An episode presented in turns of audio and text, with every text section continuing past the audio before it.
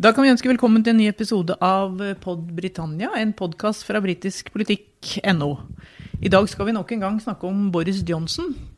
I desember så gjorde han et brakvalg. Han eh, fikk et flertall på 80 i parlamentet.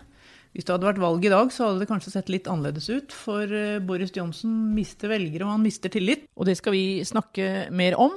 Eh, jeg heter Trine Andersen, og med meg har jeg to av Norges fremste Storbritannia-kjennere mine to medredaktører, Erik Mustad og Øyvind Brattberg. We shall never surrender. The pride in who we are is not a part of our past. It defines our present and our future. The people of Scotland have spoken. England, Scotland, Wales, Northern Ireland, together, taking us forward, unleashing the potential of the whole country. Order!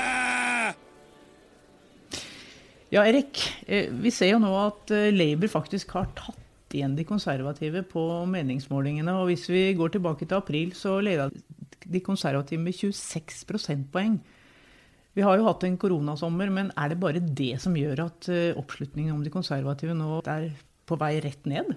Det er vel trukket fram flere grunner til at de konservative gjør det dårlig på målingene nå. Eh, koronaen har absolutt sin store del av, av den skylda, hvis vi skal kalle det det. Eh, vi fortalte jo i en podkast tidligere at Keir Starmer i sommer eh, ble mer populær på målingene enn Boris Johnson når det gjaldt hvem som da skulle styre landet, eller hvem eh, velgerne ønska skulle styre landet. Og nå har altså Labour tatt igjen de konservative. Koronaen, alle U-svingene, brexit. Eh, mye misnøye med smittevernregler som er innført igjen. Eh, lockdown av flere regionale områder i Storbritannia, først og fremst i England. Så det har jo vært en veldig trøblete sommer og, og tidlig høst for, for, Boris Johnson og de konservative. Og det har vært mange i hans eget parti som går ut mot han også. Så det har, eh, det har, vært mye som har skjedd for Boris Johnson. Eh, og de konservative har eh, ikke lykkes i å håndtere koronaen spesielt. Ja, Øyvind. Erik nevner her bl.a. alle U-svingene fra Boris Johnson, og det har jo vært mange av dem de siste ukene. Hva skyldes det? Skyldes det at Boris Johnson nå må gjøre noe han slett ikke ønsker? Han, han kaller seg jo av freedom loving Tory. Og det er jo ikke akkurat frihet han gir det britiske folket om dagen. Han er jo en eh, begeistringens politiker. En som, som eh, er eh, glad i, i, i, medvind, i kjappe svinger, i på en måte sterke punchlines. Og disse virkemidlene har vært veldig lite anvendelige gjennom koronaens år, rett og slett. Og politikk har i veldig stor grad blitt et spørsmål om kyndighet, kompetanse, oversikt god relasjon med, med, fagmiljøer, klar og stø kurs. Og på disse punktene så har Boris Johnson ikke helt maktet å, å fylle rollen, rett og slett. Og det betyr jo at han har møtt motbør fra, fra ganske ulike hold, også blant velgerne. For det er jo et, et sammensatt bilde, dette her. Blant egne kjernetropper så møter han noe av den motstanden at, eh, som handler om at eh, regjeringen nå er blitt altfor tung på labben. For mye statsmakt, for mye regulering osv. Mens andre av de nye velgerne som eh, Boris har klart å vinne i arbeiderklassen ved, ved, forrige valg, de er kanskje mer opptatt av at eh, regjeringen gir dem lite, lite håp, og de ser lite av den leveling up-agendaen som de hadde håpet å se, hvor tilbakeliggende områder skal løftes frem i lyset og gis nye muligheter osv. Det har heller ikke vært mulig å gjøre mye med i det som har vært et kriseår. Ja, Det har jo virkelig vært et, et kriseår. Det har det vært for, for, hele, for, hele, verden. Og det er klart Han sto jo der i, i februar, vel. Eh, Boris Johnson sa at dette skulle bli et fantastisk år for Storbritannia. Det har det ikke blitt for, for noen deler av verden. Men eh, Erik, hva, hva, er det egentlig som, som, har gått så fryktelig feil? Altså, altså, vi, vi nevnt, nevner jo nå her U-svinger, vi nevner korona. Men uten korona, tror du, hva, hvordan tror du det hadde gått for han da? Vi har vel inne på tidligere at Boris Johnson hadde antagelig ikke blitt statsminister hvis det ikke hadde vært for brexit. Eh, nå møter han altså, som Øyvind sier, en, en del av disse mm, skal vi si, motsigelsene i forhold til, til eh, hva det konservative partiet står for. Du var inne på frihet.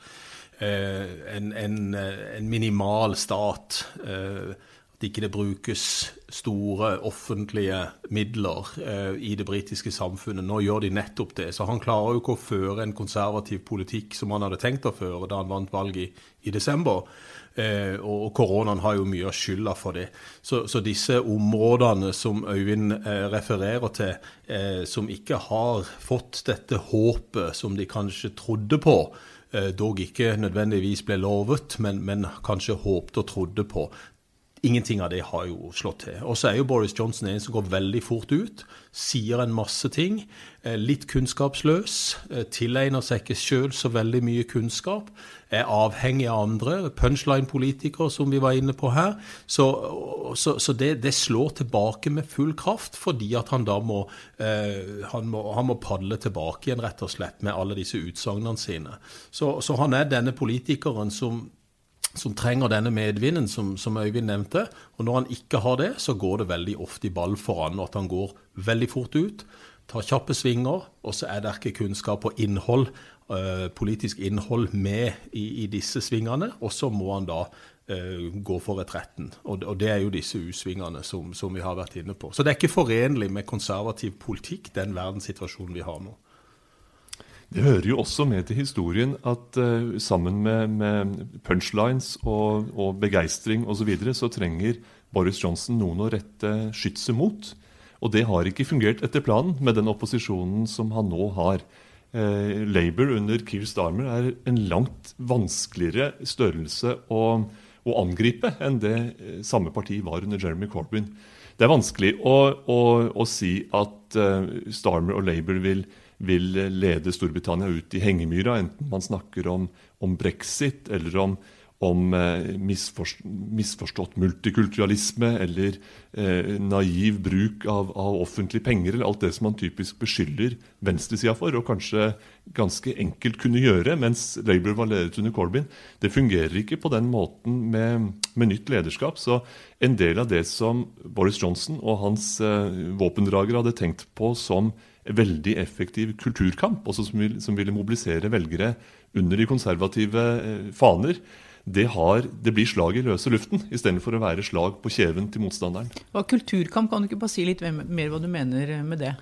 Det har jo eh, handlet om for, eh, for de konservative eh, f.eks. hva slags eh, profil BBC skal ha, er jo et, et av de vanlige temaene hvor, hvor mange mener at, at Rikskringkasteren har blitt en, et, eh, et, et, utstillingsplass for eh, minoriteter og for krenkelseskultur, og eh, kun taler på vegne av en sånn velmenende byelite, og helt har mistet grepet om vanlig patriotisk grasrot og det man tror på som britiske verdier, og har blitt en sånn en, en, en, sånn prateklubb som skal slå dobbeltknuter på seg selv for å være politisk korrekt.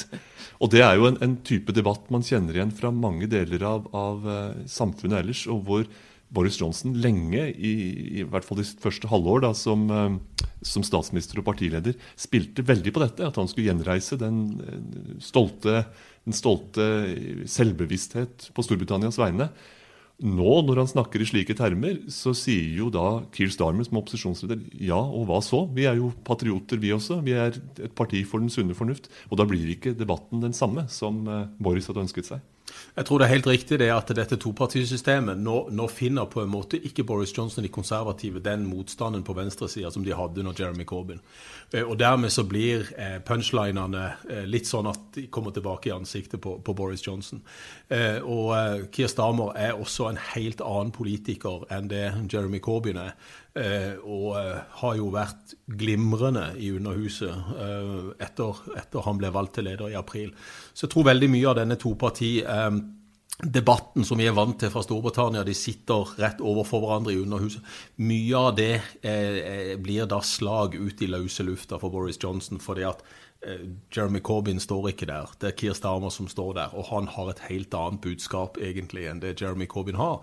Og da mister Boris Johnson litt av denne her speilinga på, på ytre venstre som, som, vi kanskje så under Corbyns Labour. Eh, og da var det lettere for Boris Johnson å drive denne type verbal punching eh, mot, mot, Labour. Så det tror jeg er helt riktig. Og denne kulturkampen har jo også Nå så vi jo et utspill nylig fra, fra Stamer som handla om at nå må vi også undervise eh, en annen type historie i Storbritannia enn det vi har gjort til nå.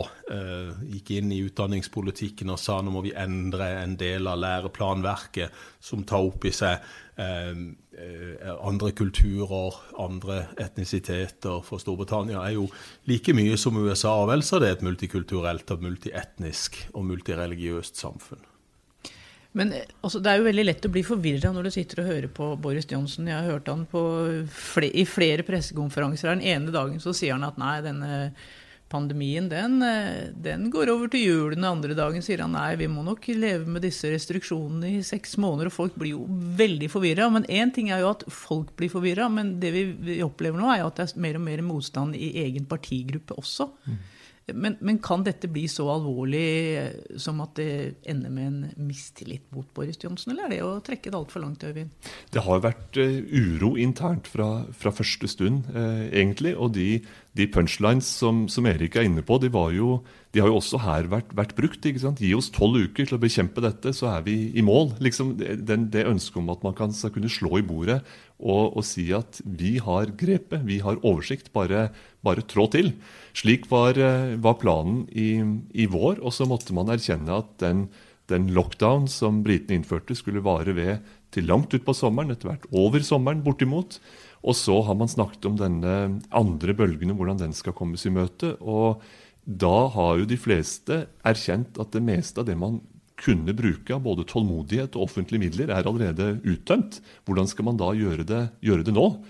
Vel, en del i eh, Johnsons eget parti, blant, eh, blant toryene, sier jo da at da får vi gripe til den svenske modellen, eller noe bortimot. Bare slipp folk fri, stol på den sunne fornuft, og så får vi ta imot det som kommer. Vi kan ikke la økonomien gå nedenom og hjem fordi vi skal drive en slags eh, formynderpolitikk overfor folket. Og den murringen er såpass sterk at et, et flertall i Underhuset er ikke noen, noen garanti for stabile forhold for, eh, for, statsministeren selv. Han har et, et, kjempesolid mandat. Men Det konservative partiet har også en tradisjon for å være fullstendig usentimentale når det gjelder å, å, å gå løs på en leder som de ikke mener er eh, oppgaven voksen. Ja, Meningsmålingene viser jo nå at han faktisk er den nest minst, nest minst populære av regjeringsmedlemmene. Det er jo finansminister Rishi Sunak som er absolutt den som er eh, favoritten til å ta over en gang, i hvert fall.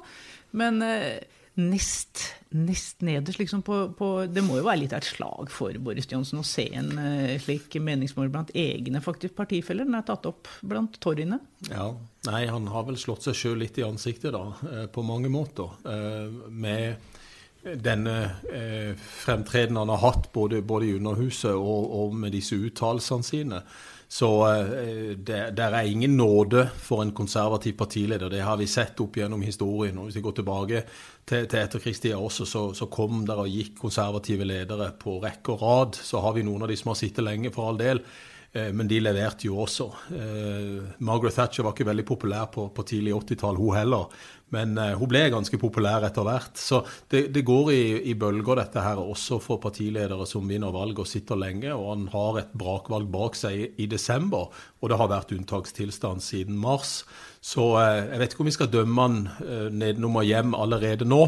Men eh, at, at, de konservative spiser sine egne ledere både til, til frokost, lunsj og middag, det, det, har vi sett mange bevis på.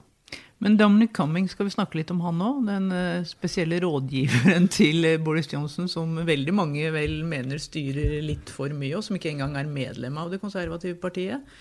Bør, bør, han kanskje kvitte seg med han? Vi vet jo at han uh, brøt de koronareglene han selv hadde faktisk vært med å innføre ved å kjøre opp til Durham mens han da hadde symptomer. Er, det er jo veldig mange som kanskje mener at han nå bør, bør ut? Noe av det vi har, har, eh, observert, er jo i løpet av dette uh, snaue året etter at Boris Johnson, eller på vei inn mot valget i desember siste år og, og, i tiden etterpå, så har man sett at den regien som man antok at Cummings og Johnson sammen kunne sette, den har blitt fanget opp av events, my dear boy, events, som, som Harold Macmillan i sin tid sa.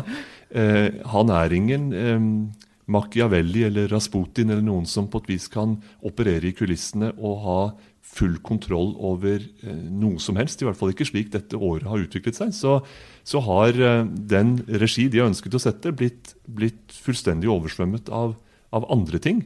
Og underveis så har eh, Cummings, som du er inne på, også eh, blitt en eh, upopulær mann, ikke bare i offentligheten, men også i Det konservative partiet, for å ha gått på tvers av det som er regjeringens egne restriksjoner med denne famøse utfarten i, i bil opp til Nordøst-England på et tidspunkt hvor, hvor landet var, eh, var, nedstengt.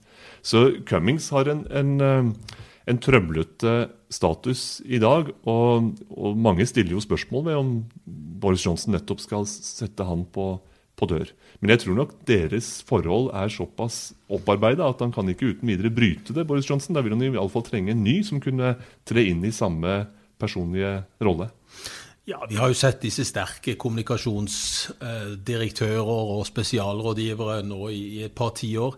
Eh, og jeg tror ikke heller at Cummings kommer til å forsvinne med det første. Han har en veldig sterk posisjon eh, i Downing Street. Eh, så er det mange som ikke liker han, som vi har vært inne på, og mange som mener de, de bør avvikle dette nære vennskapet.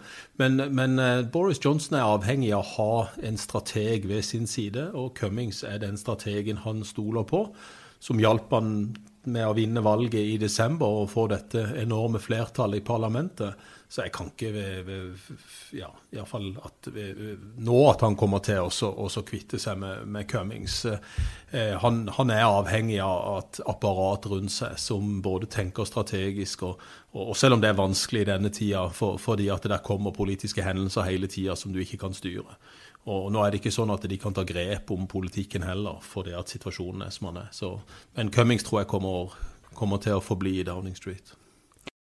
Kanskje vi også skal snakke litt om eh, Trump og Boris Johnson. Boris Johnson var jo selv koronasyk i, vet vi, i april. Nå er det Trumps tur. Men altså, at, at, Boris Johnson var syk det, Han fikk jo veldig mye sympati den gangen, men det ser ikke ut som det har slått positivt ut på oppslutningen om han, Øyvind? Ikke i det lange løp, og det er jo egentlig ganske, det er ganske påfallende og også interessant i lys av det som har skjedd nå på den andre siden av, av Atlanteren. Boris Johnson var jo eh, riktig alvorlig syk. Det sto jo om, eh, om liv og død en kort periode på, på, intensiven. Og da han vendte tilbake, så forventet nok mange at det, at det ville være med en forsterket eh, etos, en litt sånn opphøyd posisjon. Han hadde gått i, i front og selv blitt rammet, og, og nå skulle man på et vis gi ham den respekt, den ekstra respekt som det, som det burde gi. Men den effekten var ikke spesielt Eh, langvarig, for å, si det, for å, si det, mildt. Og jeg tror i dag så er det knapt noen som lar seg merke av at Boris Johnson i, i vår var alvorlig koronasyk. Det er på et vis ikke noe relevant poeng lenger. Nei, og det, det, har jo ikke egentlig eh, vedvart denne sympatien eh, over sommeren og inn i høsten. Så på meningsmålingene kan vi jo ikke se noe oppslutning i favør det konservative partiet og Johnson pga. dette. Og eh, i USA har vi da en president som er syk, eh, og eh, ute av sykehus, og eh, skal da inn i valgkampen igjen fram til valget 3.11. Så vi får jo se om det har noe vedvarende effekt der. Men nei, det er rart å tenke på disse parallellene, fordi at hele Downing Street ble jo smitta og hele Hvite hus er jo eh, smitta. Så om dette her kan slå tilbake igjen i en slags oppfatning at her har de vært uforsiktige, her har de ikke tatt smittevernhensyn, her har de faktisk ikke gått foran og leda på riktig måte uh, og gitt seg sjøl den medisinen de har gitt landet. Og det er jo et, kanskje et, et tankekors hvis en tenker på at ikke dette har langvarig effekt på oppslutning at eh, kanskje folk syns at de har vært for lettvinte med disse smittevernreglene. Ikke bare Cumming som reiser til Nordøst-England, men at de faktisk ikke klarer å overholde disse reglene sjøl. Men det kan jo nesten virke litt motsatt òg her, som om at Boris Johnson etter at han uh, har vært så sjuk Han har jo har vært ganske streng med, med, veldig mye. Nå har vi jo i England denne the rule of six, at ikke mer enn seks skal kunne møtes i, i, uh, i egne hjem eller i sammenkomster i det hele tatt, det har jo faktisk gjort at eh, mange i Storbritannia nå frykter for julefeiringen. Så han har, jo, han har, jo, snørt veldig igjen etter at han sjøl var sjuk. Ja, om det er kommet som en konsekvens av at han sjøl var sjuk. Både Trump og, og, Johnson er jo tøffe gutter, og de skal jo vise sånn litt sånn barskhet og tøffhet og testosteron. Og det, det blir kanskje litt for mye for folk òg, ikke sant? Vi så Trump nylig kjøre rundt i bilen mens han egentlig var innlagt på sykehuset, mot alle legers råd. Så du kan jo tenke litt har dette da en, en, motsatt effekt på opinionen? At de syns at dette blir for mye? Så har vi jo sett oppblomstring igjen, og det er jo derfor vi har sett regionale lockdowns rundt forbi. Og det, der er jo noe av problemet for Johnson, at han får veldig mye motbør. At pubene skal stenge klokka ti. At ikke de har mer enn seks eh, i et selskap. Eh, og, og dette her er det jo da enorme diskusjoner om for øyeblikket. Og det, også, det, blir også veldig mye forvirring, ja. forvirring, forbundet med det når det er lokale regler som er helt ulike fra, fra, sted til sted, og folk vet ikke helt hva de skal forholde seg til. Så han har vel et uh, formidlingsproblem her også? Absolutt. Og det, det kan tenkes at um, det inntraff et skifte for, for, for, Boris etter at han selv var syk. At, ble, at, at en større forsiktighet slo inn hos ham. Uh, men da har han jo det problem at, at forsiktighet ikke går i hop med den grunnleggende filosofien han har som handler om, om frihet. Både næringsfrihet, økonomisk frihet, personlig frihet. Eh, og på sikt så, så, kan man ikke eh, basere seg på, på, forsiktighet dersom hjulene skal holdes i gang. Så den klemmen eh, beveget han seg inn i rett og slett i sommer, og den klemmen har han ikke kommet ut av ennå.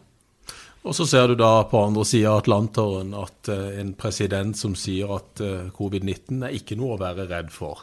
Uh, bare se åssen det gikk med meg. Det går så bra med meg at jeg kan forlate sykehuset til og med før enn det jeg kanskje egentlig skulle. Så, så det, det, er noe med disse mixed messages, for å si det på godt norsk, som, som, sendes ut. Og jeg tror folk tolker dette her veldig, veldig forskjellig. Det er klart For Trumps supportere i USA så er dette det de vil høre at, at, dette er ikke noe å være redd for. Eh, og så kan jo det spille inn mot alle disse eh, konspirasjonsteoriene som vi, vi kjenner fra, fra, USA.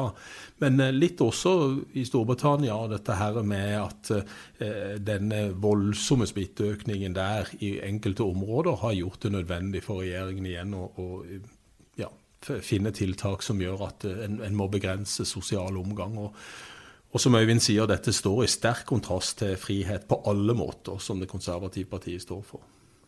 Skal vi snakke litt til slutt om en landsmøtesesong landsmøte som, nesten har foregått i det stille, så helt digitalt.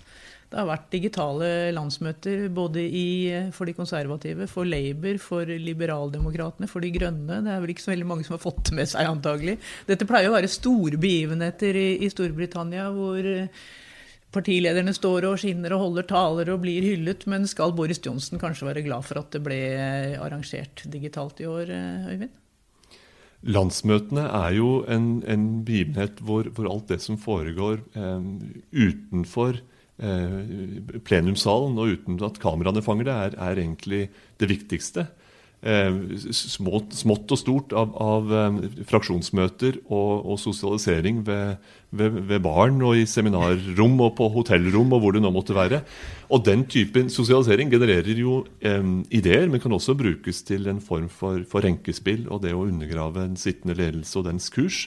Og det kan godt tenkes at nettopp den type strømninger ville vært i, i, i full sving dersom de konservative hadde holdt et, et faktisk landsmøte nå. Men på den annen side så kunne kanskje Boris Johnson fått vist smørsida si. Det er jo sånne ting han kan best. Å tale til store forsamlinger, være ute blant folk. Ja, men jeg tror allikevel i, i, denne spesielle tida så tror jeg de konservative partiene skal være glad for at det ikke var et landsmøte. Labour tror jeg er lei seg for at det ikke ble landsmøte. For de har jo fått en slags ny vår med, med Keir Starmer som leder og gjort det veldig bra. Både han personlig og Labour på meningsmålingene. Så de tror jeg er litt lei seg for at ikke det ble et landsmøte hvor de kunne samles og og, og legge om litt eh, kurs og finne en slags eh, enhet igjen og, og, gjenforening på en måte som, som, kanskje hadde gjort at partiet hadde strålt enda mer enn en det de gjør. Så, men med den motstanden vi har sett internt mot Johnson, så tenker jeg de konservative skal være glad for at ikke nødvendigvis det ble et fysisk landsmøte for dem. We shall never surrender. The pride in who we are is not a part of our past. It defines our present and our future. The people of Scotland have spoken. England, Scotland, Wales, Northern Ireland, together, taking us forward, unleashing the potential of the whole country. Order!